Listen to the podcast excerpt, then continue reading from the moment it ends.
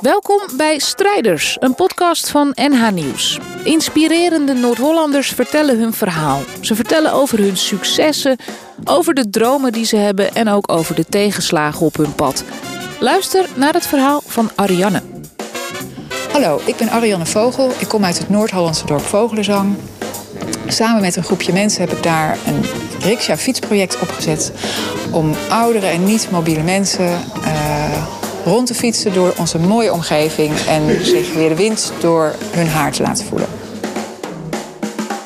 In Ruparé, een buurthuis in Amsterdam Slotervaart, staat een sokkel, omringd door publiek.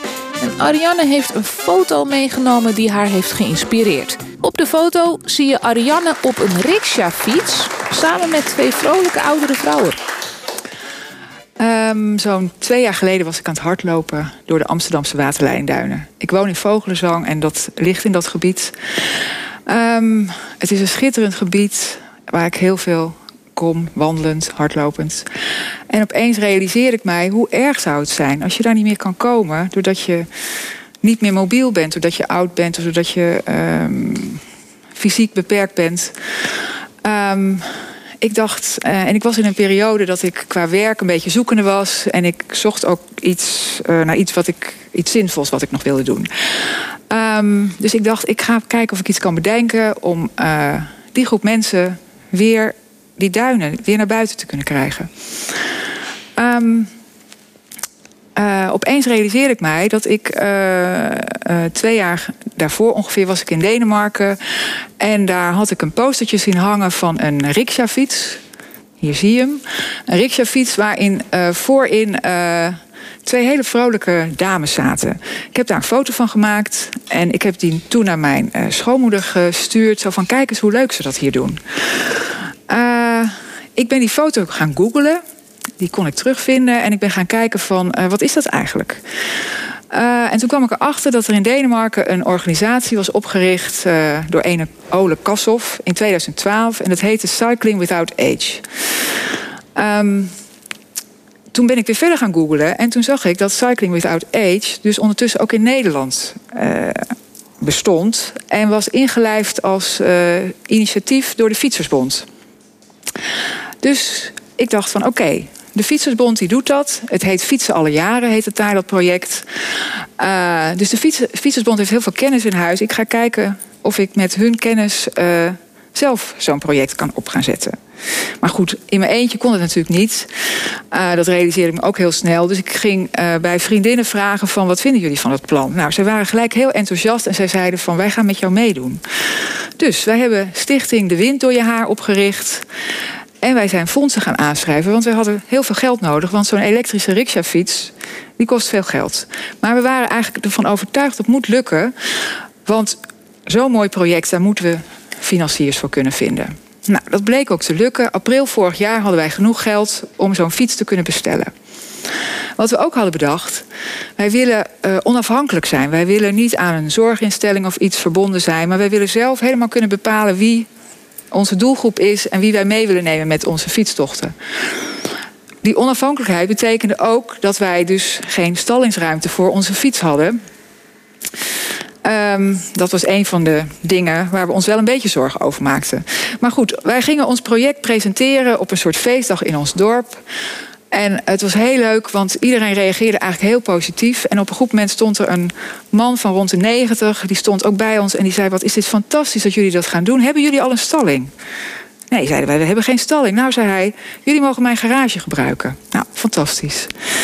Oké, dus dat was geregeld. Maar toen moesten we natuurlijk nog vrijwilligers hebben. Dus wij zijn in ons netwerk gaan kijken van wie uh, vinden wij geschikt. Uh, wie kan uh, met ons mee gaan doen als bestuurder van de fiets. Bij fietsen alle jaren worden de bestuurders worden piloten genoemd.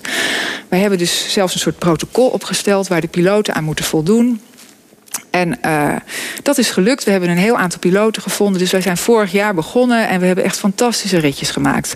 Maar we dachten, we willen onze echte start willen gaan maken uh, in april. Want dan bloeien de bollevelden, daar wonen wij tussenin. En uh, dat leek ons een fantastisch moment. Um, maar goed, toen kwam corona. Dus wij hebben helemaal niet op kunnen starten. Maar ik vergeet één ding te zeggen. Ik was natuurlijk hardlopend door die duinen. Dacht ik van, ik wil de mensen naar de duinen krijgen.